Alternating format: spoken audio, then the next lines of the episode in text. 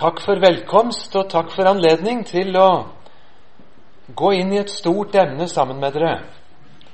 Det er et så stort emne at jeg har uh, egentlig litt kamp med å ha frimodighet til å tørre å mene noe om et så stort emne overfor 1350 sider Gud har gitt oss av Gammelt og Nytt testamente og i møte med et utrolig stort arbeid som ligger bak hver av de oversettelsene vi har fått. Men dette ligger meg veldig på hjertet. Jeg må si det er mye inni meg som ikke er fromt, og ikke er som det skulle være. Jeg strever med å lese Bibelen så mye jeg burde.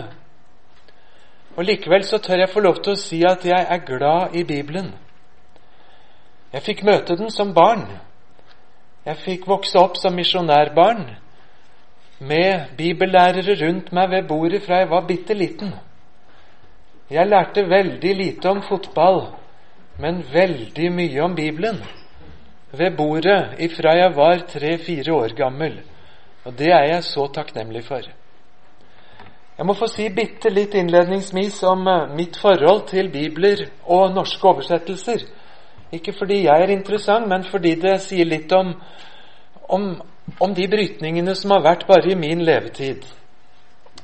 Jeg vokste opp med den 1930-oversettelsen på bokmål som eh, er den gode, gamle, trygge, og som egentlig er uforandret nesten ifra 1904, og som ligner de danske biblene tilbake nesten fra Luthers tid.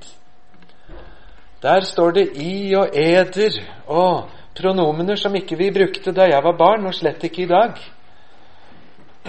Jeg var 20 år gammel da 1978-bibelen kom, og jeg frydet meg over at det skulle komme en bibel på et språk som var mye mer mitt eget. Det var det året jeg begynte å studere teologi. Og da var det å sette seg med å lære gresk og hebraisk og latin. Og våre gresklærere og hebraisklærere og latinlærere de gikk gjennom med oss vers for vers. Og så fikk jeg jo se det at på sted etter sted så var det oversettelser som var overraskende frie. Og i løpet av fem-seks studieår så vokste det opp en trang inni meg til å lære mer enn gjennomsnittlig om dette. Og så fikk jeg anledning til å studere hebraisk videre noen år på universitetet, og gresk. Og så måtte jeg ta forsmedelsen med å legge 1978-bibelen til side og bruke 1930-bibelen, som jeg var tryggere med i forhold til å være så tett på Bibelens ordlyd som jeg kunne. Og så har jeg fått vokse opp i Misjonssambandet og personlig nokså nær Carl Fredrik Wisløff. Og så ble det kjent at han arbeidet med å lage en annen motbibel som skulle gå tilbake til den tradisjonelle norsk-danske bibelspråket. Og så ble jeg invitert med til å være med å oversette det som ble Norsk bibel i 1988. Min rolle var ikke stor og viktig, men jeg fikk i hvert fall arbeide med Samuels bøker og Esekiel-boken og litt i det miljøet der den vokste frem. Og til i dag har det i grunn vært min bibel. Rundt år 2000 så ville Bibelselskapet begynne arbeidet med en helt ny oversettelse. Og da ønsket de å legge bak seg stridighetene rundt 1978. Og de laget noen retningslinjer for hvordan vi skulle få en bibel som kunne samle. Og i forordet så står det tydelig at vi vil gå tilbake der norsk bibeltradisjon har vært, og ikke være så frie som man var i 1978. Og så fikk jeg spørsmål også, blant flere, om å være med i oversette. Jeg søkte råd hos klokere folk enn meg selv. Og med en viss nøling så ble jeg med i det arbeidet. Og så har jeg vært med noen år på det som er blitt Bibel 2011. Og jeg sa klart fra at jeg kommer inn fra et annet ståsted enn dere. Og jeg kommer til å ta noen fighter fra sted til sted der jeg mener Bibelselskapet er blitt for frie og der de bygger på forutsetninger ikke er enig i. Ja, men det er derfor vi har bedt deg bli med, sa de. Så fikk jeg være med og kjempe noen kamper og vinne noen og tape andre. Og når jeg nå legger frem noen tanker om den Bibelen vi har fått i 2011, så skal jeg bare få si fra begynnelsen av at jeg synes det er blitt på mange måter en bedre bibel enn den som ble lagt fram i 1978, på mange viktige områder, men ikke på alle. Og på noen punkt syns jeg ikke den er god. Og i all hovedsak så vil jeg bare få gitt til kjenne min konklusjon først som sist. Jeg fortsetter å bruke Norsk bibel fra 1988, og jeg er uendelig glad for at vi i Norge har den som en trygg bibel, som nok er krevende språklig for mange unge lesere, men som gir oss en veldig direkte følelse med den hebraiske og greske teksten. Og det skal jeg forsøke å begrunne ganske kort. Først i det jeg legger frem, så vil jeg få vise hvor mange andre oversettelser vi også har til norsk. Bokmål og nynorsk. De samiske biblene de kjenner jeg for dårlig. Jeg kan ikke samisk. Følger interessert med i sidelinjen på det som har vært gjort, og det som nå gjøres. Men de andre norske biblene har jeg fått arbeide forholdsvis mye med. Sammen med en venn så har jeg gitt ut en bok som presenterer de siste 17 norske oversettelsene av Bibelen, de som er kommet etter 1945. Og eh, har forsøkt å begrunne hvorfor jeg står der jeg står i dag, og være så ærlig og åpen jeg kan med de ulike oversettelsene som er. Skulle noen være interessert i å kjøpe og arbeide med den boken, så kan jeg hjelpe til med det. Siden 1945 har vi fått følgende bibler til norsk. 1978-bibelen på bokmål og nynorsk. Norsk bibel sin bokmålutgave, og så kom det en nynorskutgave i 1994. Så kom Bibelen, Guds ord, i 1997.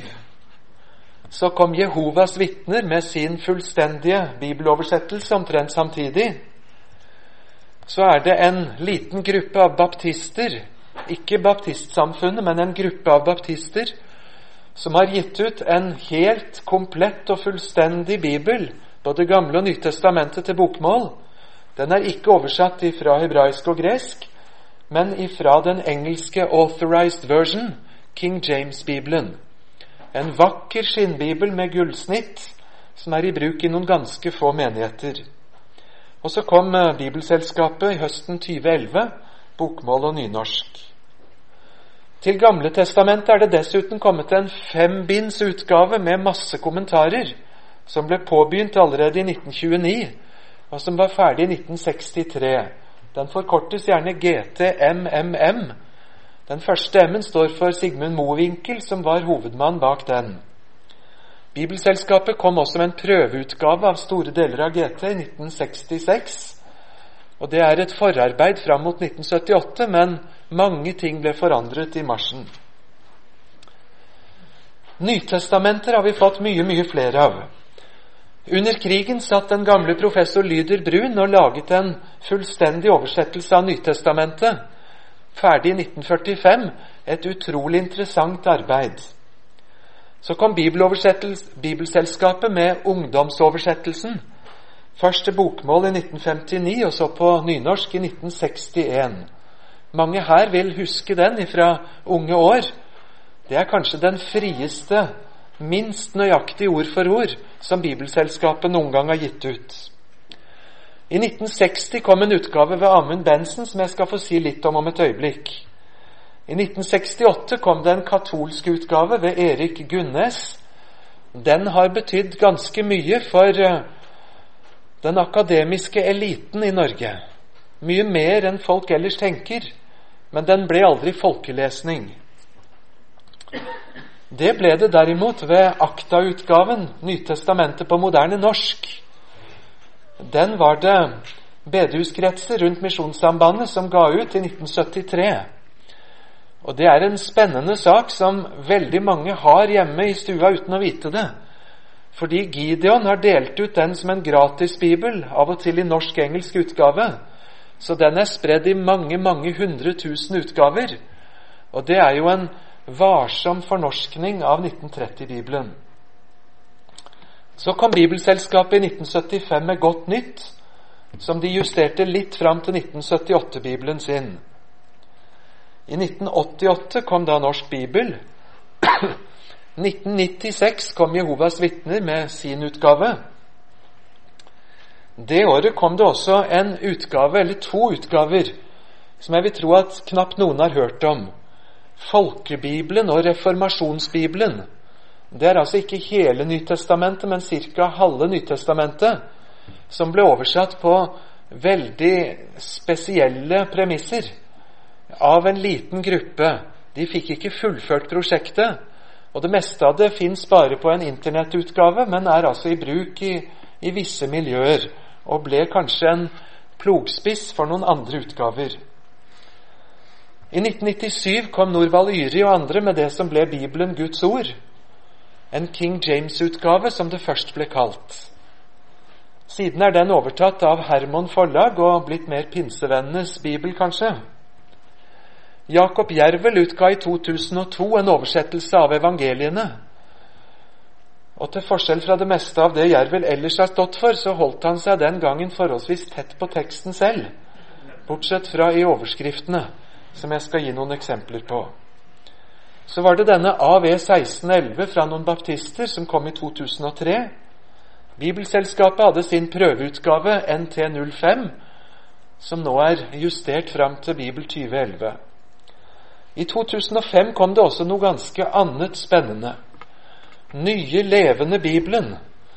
Det er altså en bevegelse som heter Ny generasjon, som er uh, unge, pinsekarismatiske, eh, veldig opptatt av å evangelisere for nye grupper som har laget en særdeles fri omskrivning av Nytestamentet, ment som gratisspredning rundt til videregående skoler og ungdom, og som faktisk har nådd mange, mange titusener, og som er i bruk til dels i noen av de nye, små, ganske radikale og frie menighetene, særlig på Sør-Vestlandet.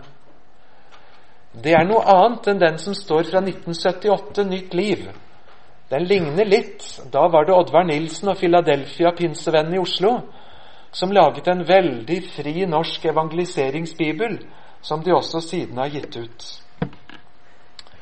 Noen ganske få ord om et par av disse utgavene. Lyder Brun helt tilbake i 1945. Sele er de som er fattige i hjertets innerste, skrev han. Salig er de fattige i ånden, er vi kjent med uttrykket. Guds rike, det forklarte han som Guds kongedømme. En disippel, det er en lærling. Da sa Jesus til lærlingene sine.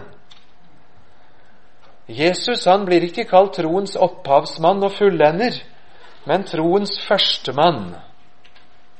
Det er jo på en måte spennende formulert. Og så laget han mange substantiver, sånne abstrakte som sluttet på i. Han snakket om skryteri og fylleri. Omtrent som svensk språk kan snakke om et snikkeri, og vi på norsk kan si et bakeri. En, eh, en merkelig bibel. Og skulle noen finne på et loppemarked den utgaven til Lyder Brun, så er det lærerik og interessant lesning. Ikke som erstatte din bibel, men av en lærd mann som forsøkte å lete opp nye måter å si det på. Helt et annet spor er det ifra Amund Bentsen. På oppdrag ifra Hauges venner og ifra Delk så satt han gjennom 50-tallet og hentet frem den siste danske bibelen som statspietismen laget. Han gikk helt tilbake til Weissenhus-utgaven fra 1744. Han og de rundt han tenkte at det som er kommet av bibler siden 1744, det er vel preget av potetprester, rasjonalisme og fritenkeri. Og så ville de tilbake før alt det liberale tankegodset kom. Og så fikk Amund Bentzen i oppdrag å lage en ytterst varsom, litt mer moderne norsk utgave av det som var pietismens gullalder. Delk brukte den utgaven fra 1960 og frem til 1988. Jeg trodde den utgaven var helt borte, men der har jeg fått mer å se på. For det første så har gode læstadianske kretser i Alta de har trykket opp på kopimaskin en helt nøyaktig utgave og laget en vakker innbunding med gullsnitt av den. Den selger de ikke til oss andre, men de bruker den i sin skole og i sin menighet. Det var merkelig og spennende, tenkte jeg. Og så fant jeg ut at også samfunnet i Egersund og Kristiansand har gjort noe lignende. Samfunnet det er de vi ellers kjenner som de sterkt troende. Eh, spydervollianerne, perene, den kristelige menighet. I Kristiansand har de en skole med over 200 elever. Og allerede på 1980-tallet så begynte de å lage, og de var litt røffere. De skrev det om på en moderne data med nye typer. Og så skriver de i forordet at vi har justert litt her og der for å få litt bedre norsk. Så de var noe freidigere, men de ville tilbake til statspietismens dager. Og Sist jeg snakket med dem, så sa de vi driver og, og jobber litt videre. Vi vil lage en hel bibel, men vi frisker opp språket litt her og der. Det virka veldig dristig, og det ser ut som det går fort, men det skal bli spennende å se. Jeg bruker litt tid på det bare for å vise at det er et mye større mangfold enn vi tenker, av grupperinger på forskjellige kanter som bruker bibler eh, som nok uttrykker en ganske sterk mistillit til både Bibelselskapet og mye av det som er kommet også fra konservativt hold i de siste par generasjoner. Jeg skal ikke gå så langt tilbake til dette med GT, MMM. Jeg ser noen som gjerne tar ordet. Vi, skal ta god tid til spørsmål, men kanskje får jeg løpe gjennom historikken bare først. Og skulle det være noe jeg har fått sagt feil, eller ting, så må dere veldig gjerne få korrigere det. Men kanskje jeg tar et raskt løp gjennom bare først. Denne GTMMM det er motsatt ende. Det er den liberale teologi satt i system så ekstremt at jeg tror ingen av de liberale på universitetet i dag vil forsvare det som står der.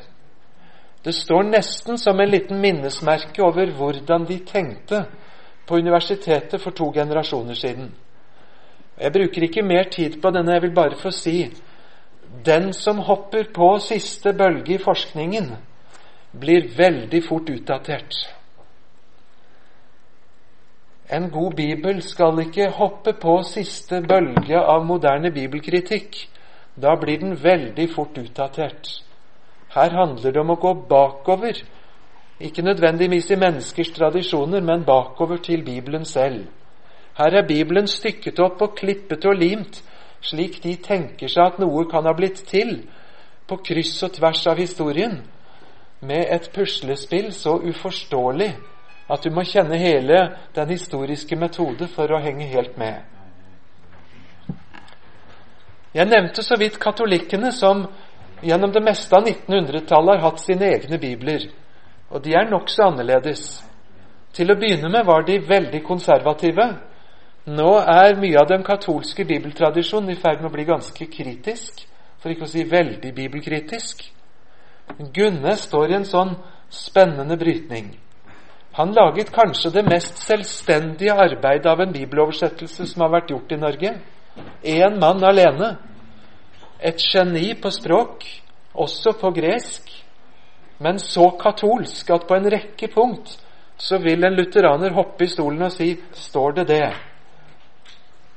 Så den står mest som et minnesmerke over hvordan en 110% katolikk gjerne ville ha det hvis det skulle være en katolsk bibel. På tysk og andre språk har vi mye flere slike, men det er vel den eneste norske.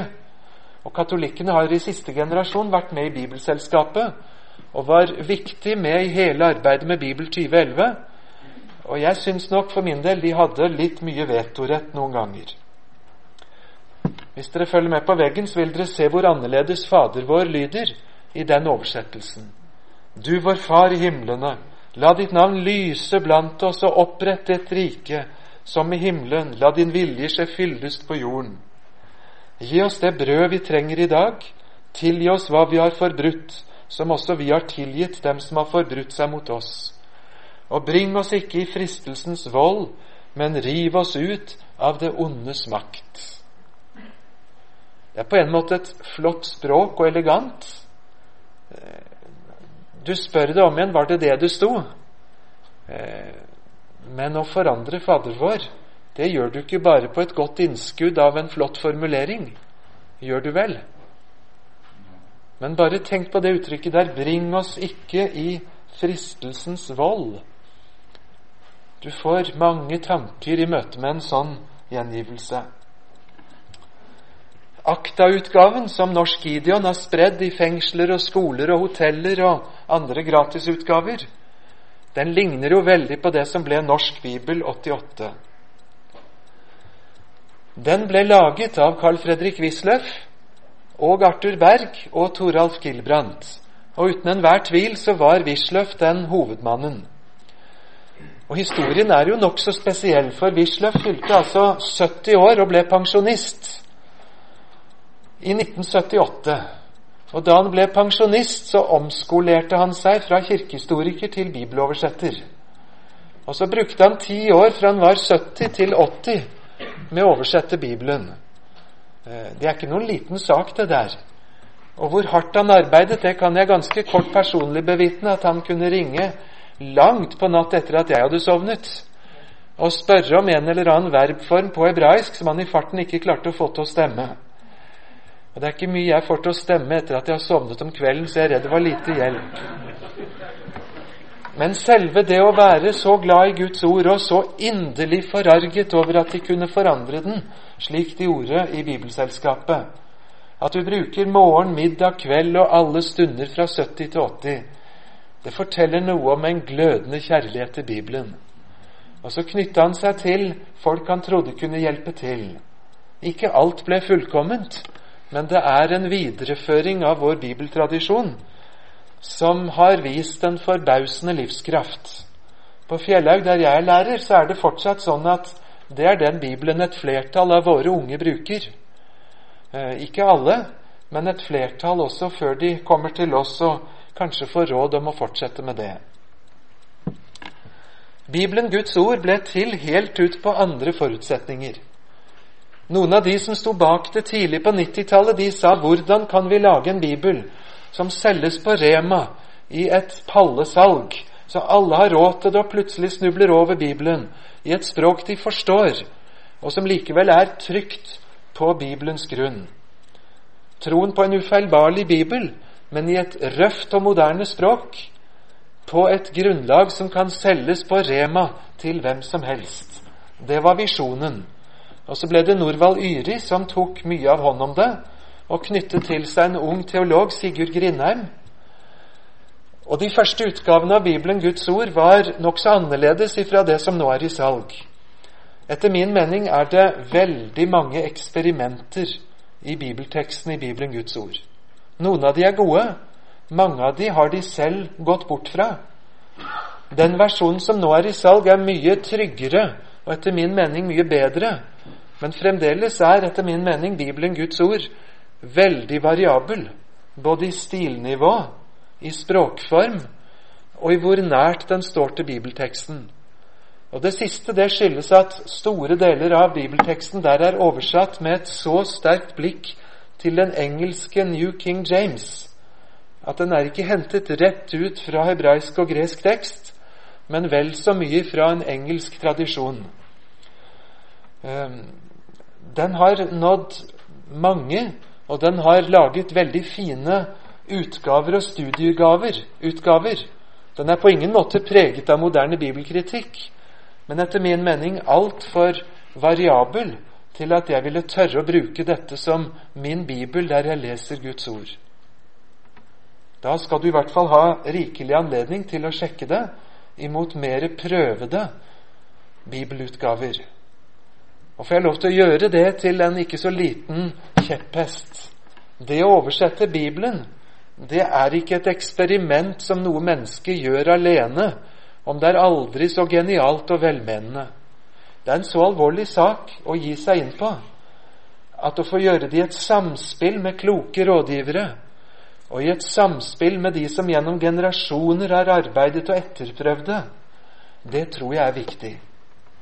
Så når det kommer en ny utgave som vekker appell hos kanskje både unge og gamle, så er det stor forskjell på å kjøpe den og lese noe i den og prøve det, i forhold til å straks gjøre det til sin bibel. For det der er ikke noe vi eksperimenterer med sånn uten videre. Så er det kommet flere utgaver på norsk, akkurat som på alle andre språk, av svært så frie oversettelser. Noen av de blir ikke kalt oversettelser, men omskrivninger eller parafraser. Vi har to eller tre utgaver på norsk. Eh, de brukes kanskje ikke så mye verken i bedehus eller i kirken, men i pinsekarismatiske sammenhenger. Noe av det er kanskje godt formulert, men mye av det er utrolig eksperimentelt. Og jeg må si jeg syns mye er fryktelig platt og naivt og kanskje litt billig. Istedenfor å si 'Helliget vorde ditt navn', så blir det 'Vi ærer ditt hellige navn', eller 'Vi hyller ditt navn'. Men er det det samme? Som at Hans navn må holdes hellig og være hellig i oss og hos oss? Som ett eksempel. Men som kanskje et bedre eksempel på noe de har funnet på godt. Når de har et ønske om å dele evangeliet med de som aldeles ikke kjenner bibeluttrykket, hvordan skal du forklare hva det er å korsfeste sitt kjød? Det er ikke så enkelt, det, på T-banen til en vilter 16-åring som aldri har åpnet Bibelen. Det er ganske spennende og dristig formulert at jo, det handler om å spikre sitt gamle ego til korset sammen med Jesus. Hvis du først skal skrive det om, så er ikke det noen dårlig omskrivning. Og likevel, har du da oversatt Bibelen? Eller har du skrevet den om for å forklare det? Jehovas vitner, ja, det er jo et ganske annet kapittel. De har sine egne oversettelser til snart 100 forskjellige språk. På norsk har oversettelsen deres vært i 15 år. Den er spredd i kolossale opplag. De sier selv at det dreier seg om et par hundre tusen eksemplarer, og jeg tror det er sant. Jeg har faktisk brukt mye tid på å lese og arbeide med den, og jeg har oppsøkt oversetterteamet hos Jehovas vitner. Og ingen av oss skal tro at de er lettvektere som ikke har forstand på det de gjør. Hovedmannen bak den norske utgaven han er forsker på Gamle Testamentet. Han er ansatt på universitetet i hebraisk språk. Brukes som sensor, som en aldeles strålende gresk- og hebraisklærer, og vet meget godt hva han gjør. Og Ny verden-oversettelsen er for 99% av bibelteksten sin del ganske så nøyaktig omhyggelig oversatt. Så nøyaktig at det er nærmest aldeles uleselig på norsk. For å være tro mot ordlyden. Men så var det den siste prosenten, hvor de skriver Bibelen aldeles om for å få det til å passe med Jehovas vitners teologi. Og hvor Jesus jenkes ned ifra å være Guds egen sønn til å bli en eller annen profet, omtrent slik muslimene tenker om Jesus. Treenighetstanken undergraves. Alt som handler om korset, må skrives om, sånn at det blir eh, en staur eller en påle eller en pel. Så korsfeste sitt kjød hos dem, det er å pælfeste kjødet. Så merkelig det lyder. Og totalt sett så mener jeg det blir en bibel vi på ingen måte kan bruke. Men de fleste som studerer hebraisk i Norge, de bruker Jehovas vitners bibel fordi det er så ekstremt ord for ord gjennom det meste av Bibelen. Det er nesten ikke leselig å lese høyt for andre. Det høres ut som en sånn instruksjonsbrosjyre for en eller annen maskin som du har kjøpt. Eh, men det kan ha sin verdi, nettopp som det der nøyaktighet. Men så har du alle disse fryktelige forbeholdene, der selve innholdet blir aldeles snudd om. Jakob Jervels Jesus-oversettelse. Han holder seg forholdsvis tett til ordlyden, men når han får sjansen med å lage sine egne overskrifter, så blir det mange merkelige overskrifter. Når det står om den kvinnen som ba til Gud, og som sammenlignet seg med en hund under bordet, så får han det til å bli en overskrift 'Kvinnen som flyttet på Gud' som altså klarte å få sitt bønnesvar gjennom der hvor Jesus så ut til å, å si så blankt et nei. At det var en kvinne, det er ganske viktig for Jakob Jervel der som ellers.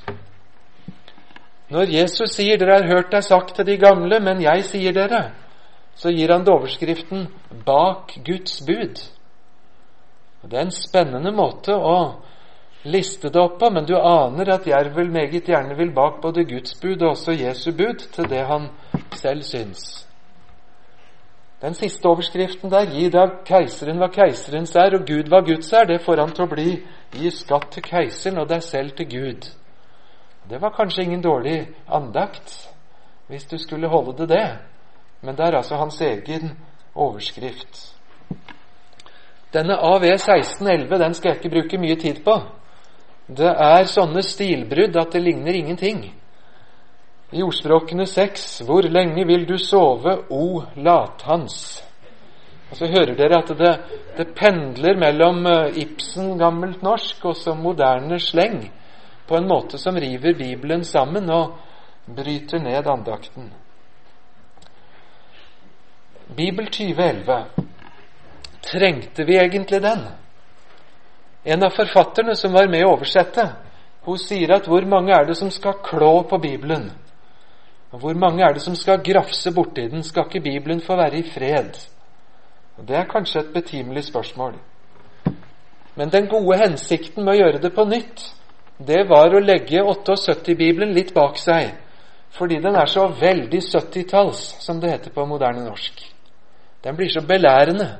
Korter opp Bibelens lange setninger i små, kjekke uttrykk, som om det var baksiden på en Toro-suppe og som ikke tør å snakke om Guds hånd og Guds øye og Guds øre, men skriver det om Gud kan, og Gud ser nok, og Gud vil. Og som tar bort både marg og bein og poesi i bibelteksten. Og så vil man tilbake til Bibelens egen uttrykksform. Det var noe av startgrunnlaget. Men så var det så mange hensyn. En skulle lage en bibel som både var en gudstjenestebibel til bruk ved brylluper og begravelser, men det skulle også være en sprelsk konfirmantbibel som 14-åringer kunne bruke. Det skulle være en studiebibel nøyaktig nok for bibelgruppene. En andaktsbibel for den som vil sitte stille ved Jesu føtter. Den skulle brukes i den offentlige RLE-skolen. Den skulle brukes i kulturlivet, sånn at forfatterne begynte å lese Bibelen igjen. Den skulle brukes både til kirkefolket, men også til dem som enda ikke er det. Er det mulig og ønskelig å forene alt? Hvor mye kan du vinnes ved å trykke alt sammen i forskjellige farger og fasonger? Det hjelper litt, tror de. En rosa bibel ser ikke ut som en kirkebibel. Men teksten skal da være den samme hele veien. Det bibelordet som bibeloversettere verden over først slår opp i for å se hvordan gjør de det med dette, det er dette ropet ifra døperen, som også Jesus gjør omvendelsesdåp til syndenes forlatelse. Det er masse teologi på fire-fem ord, men sånn står det på gresk. I 78 i Bibelen så ble det omskrevet høytidelig og langt. Han sa at folk skulle vende om og bli døpt for å få tilgivelse for sine synder. Og Sånn har det stått i 30 år fra 78 i Bibelen. Men det er ganske mange ord. Det er 14 ord for fem greske. Og I Bibel 2011 så har de gått nesten tilbake til norsk bibel. Nå står det om omvendelsesdåp som ga tilgivelse for syndene. Men de som har et baptistisk og reformert dåpssyn, de syns det er fremdeles altfor mye sagt. Hvor står det i bibelteksten at den gir? På gresk står det omvendelsesdåp til syndenes forlatelse. Betyr det at den gir den? Nei, der er det deres lutherske dåpssyn som skinner gjennom, sier de. Og så kommer man i en ny knipe. Hans Olav Mørk, som var hovedmann bak, bak 2011-bibelen, han sa at nå vil vi ta vare på alle de bilder og metaforer og uttrykk som er. F.eks. i 4. Mosebok 14. Slik dere har ropt meg i øret, slik skal jeg gjøre. I 78 så hadde de omskrevet den hebraiske uttrykket 'å rope i øret på Gud' til å bli 'slik dere har bedt meg om'. Hører dere forskjellen? På hebraisk står det virkelig 'sånn som dere har ropt meg i øret'. Og nå er det det det står, og det syns jeg er flott. I Esra 7 Du, Esra, med visdom fra Gud i dine hender. Sånn står det på hebraisk. I 78 var det omskrevet etter den Guds visdom som er gitt deg. Ja, ja, det er folkelig og greit forklart, men bibelteksten snakker om at Gud har gitt deg de hendene, Esra. Og det er da et uttrykk vi forstår. Vi trenger ikke at noen omskriver det for oss, gjør vi vel? Noen steder er 2011 virkelig kommet tett på den hebraiske og greske teksten. Nå står det f.eks.: Vi som spiser av palassets salt. Vi har et uttrykk å ha salt til grøten på norsk, og har vi ikke det? På hebraisk spiser det, heter det 'vi som spiser av palassets salt'. Før sto det bare 'ettersom vi står i kongens tjeneste'. Det var 78-bibelens fullstendig omskrivning, som mister nærkontakten, mener jeg, med bibelteksten. I Esra 5,7 all fred. Ja, det er det det står på hebraisk. Kol shalom. Vær hilset. Ja, ja, Det er jo sånn Julius Cæsar sa når han snakka med soldatene. En folkelig hilsen, men det var altså ikke akkurat det det står. Eller når det står 'alle de som skal for ordet fra Israels Gud'. Sånn står det på hebraisk. Jeg syns det er så flott at vi har fått en bibel som tar tilbake ord for ord sånne uttrykk. Og på disse stedene er det helt praktfullt hva vi har fått. Hjertet mitt ga meg råd, står det i Nehemia 5,7 etter å ha tenkt saken gjennom. Ja, Det høres ut som en som jobber i departementet og har kommet til en eller annen byråkratisk avgjørelse. Hjertet mitt ga meg råd, står det, og la det lyde slik. Og så er Bibel 2011 blitt veldig mye mer ordknapp. 78 i Bibelen, den veltet ut ord. Her ser dere en tekst fra klagesangene 1.1. Og det er jo faktisk nesten halvert antallet ord. Og Da vi oversatte i Bibel 2011, så måtte vi levere rapport for hvert eneste kapittel. Hvor mye færre ord har dere klart å få det ned? Vi skulle helst ned både 15 og 20% For den var så pratete og skoleaktig og lærermesteraktig, den 78-bibelen. La oss få det ned sånn som hebraisk språk er mye mer ordknapt. Og det har vært et stort mål nå. Korte ord og bort med alle de unødvendige og forklarende. Og Likevel så mener jeg at Bibel 2011 på noen steder har beveget seg i feil retning. To viktige eksempler fra Nyttestamentet i 1. Peter 2. Et folk som Gud har vunnet, står det. Før sto det et folk til eiendom. Ja, et folk som er Guds eiendom. Her mener jeg Bibel 2011 har gått feil vei og omskrevet friere. Legg ungdommens begjær bak deg, står det nå. I alle gamle bibler så sto det at du skulle flykte fra ungdommens lyster. Og Det er det det står på gresk. Der står det ordet for å flykte. En flyktning som han vil ikke være der mer, for han er redd. Og det er noe annet enn å bare legge det bak seg. Du ungdom som kjenner kampen med kjødets og ungdommens lyster, du skal flykte bort ikke den ærerike retretten. Ikke tenke det nøye over, bare. Bli en flyktning, så ikke du blir et offer for angrepet. Sånne ord og uttrykk skulle vi beholdt. Det er dessverre en del sånne som er mistet i 2011. Det syns jeg er trist. I 3. Johannes brev, som kanskje de færreste leser så nøye, der har jeg en helt sånn lang rekke bare på de 15 versene hvor jeg syns noe av nøyaktigheten er mistet. Ofte er det det samme nå som det som sto i 78-bibelen. Men istedenfor å gå tilbake og ta det sånn som norsk bibel, mye mer omstendelig og korrekt, så har man bare videreført litt for omtrentlig uttrykk. Jeg skal ikke lese hele den rekken, men det er ofte på det nivået av nøyaktigheten som jeg syns det glipper, i hvert fall i de delene som er minst brukt av Bibelen. Eller et viktig vers som Kolossene 1,14. I ham har vi forløsningen, tilgivelsen for syndene. Er det greit at det nå er omskrevet med 'I ham er vi kjøpt fri og har fått tilgivelse for syndene'? Forløsning er jo et fantastisk uttrykk. Forløsning enten det er mor og baby som skal bli født, eller det er slaven som har vært slave og er kjøpt fri. Tvetydigheten er helt tatt bort, og nå er det bare blitt at dere er kjøpt fri. Etter min mening la det ligge foran bibelleseren et uttrykk av forløsningen, som kan spille både på mor-barn i fødeøyeblikket og på slaven som er kjøpt fri. Her syns jeg oversetterne har tatt seg den frihet til å tolke på vegne av leseren det er å umyndiggjøre leseren litt. La leseren få møte Bibelens uttrykk som noen ganger er tvetydige. Og la Den hellige ånd få arbeide videre med de tvetydighetene i hjertet.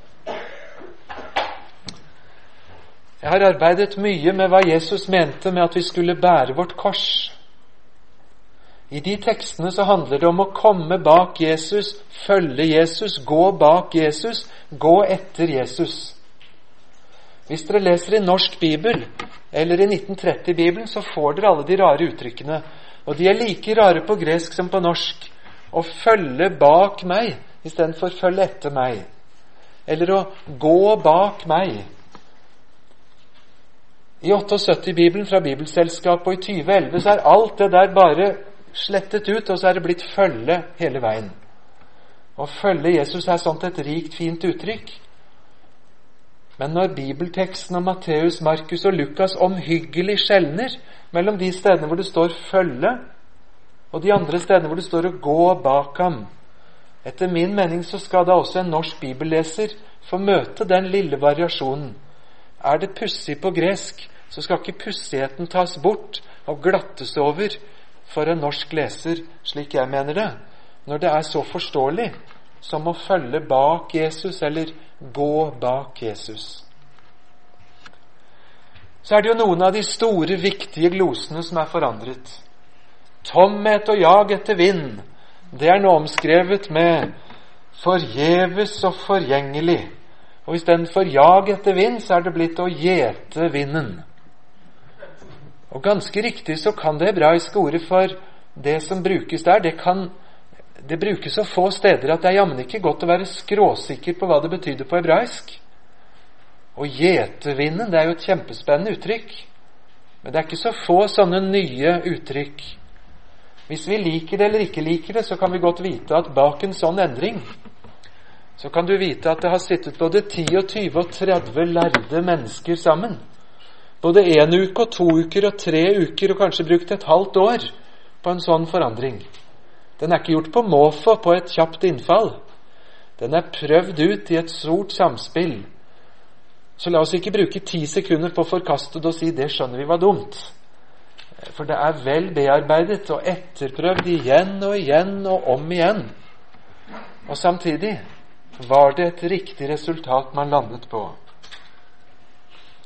Og så har vi alle overskriftene.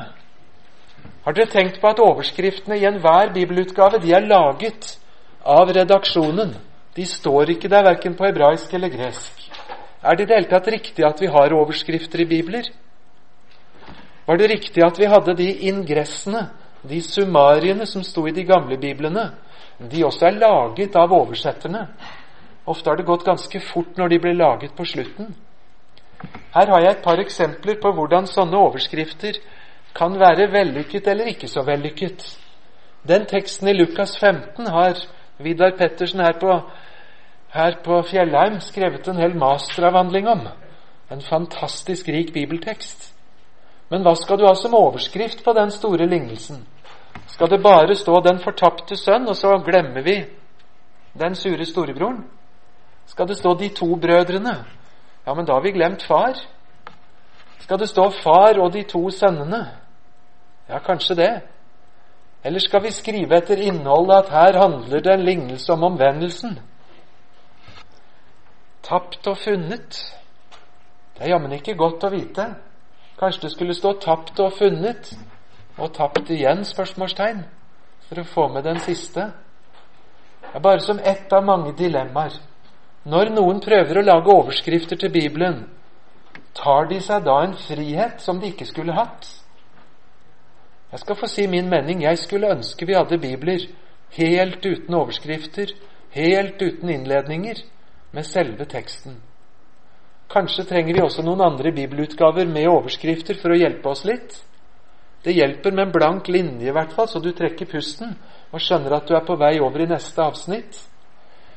Men hvem av oss skal egentlig våge å utgi en bibel hvor vi har funnet på overskrifter? mer og mindre vellykket. Det er dristig. Det er Guds eget hellige ord, vers for vers og bokstav for bokstav. Det er i alle fall ganske dristig. Og når noen syns det er ekstra gøy der, for der kan de liksom slippe løs fantasien mer, er det bra?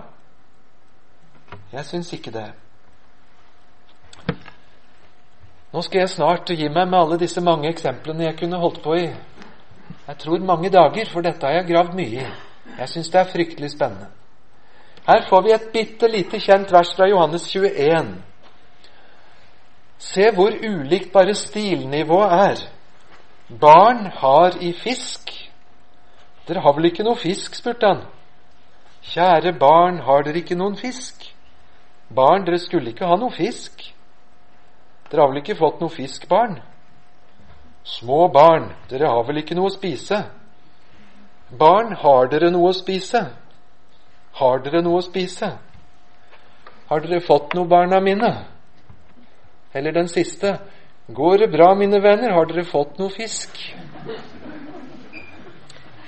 Hører dere at ved siden av spørsmålet om hvor nøyaktig det er, så er det litt med stilnivået.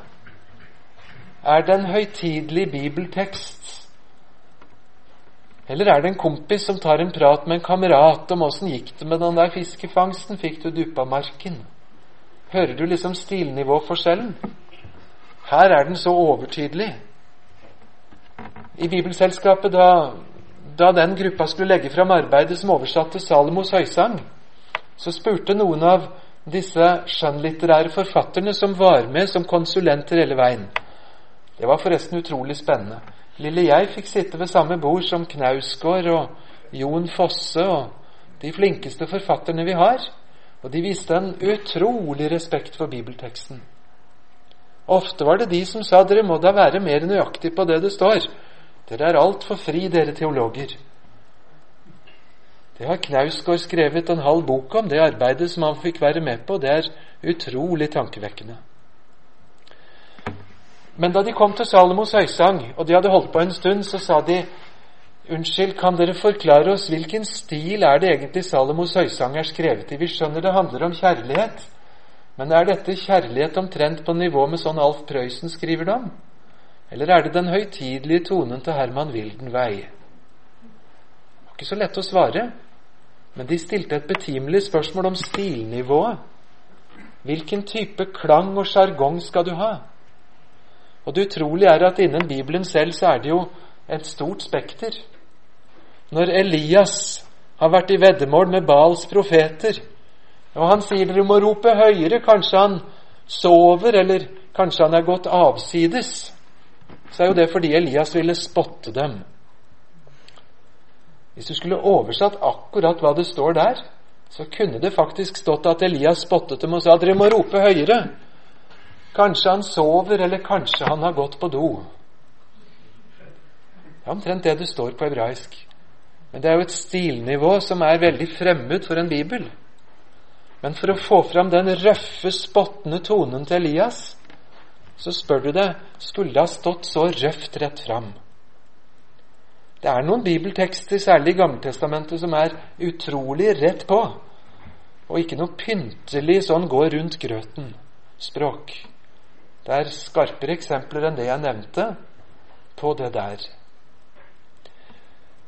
Jeg kunne gjerne fortsatt lenge.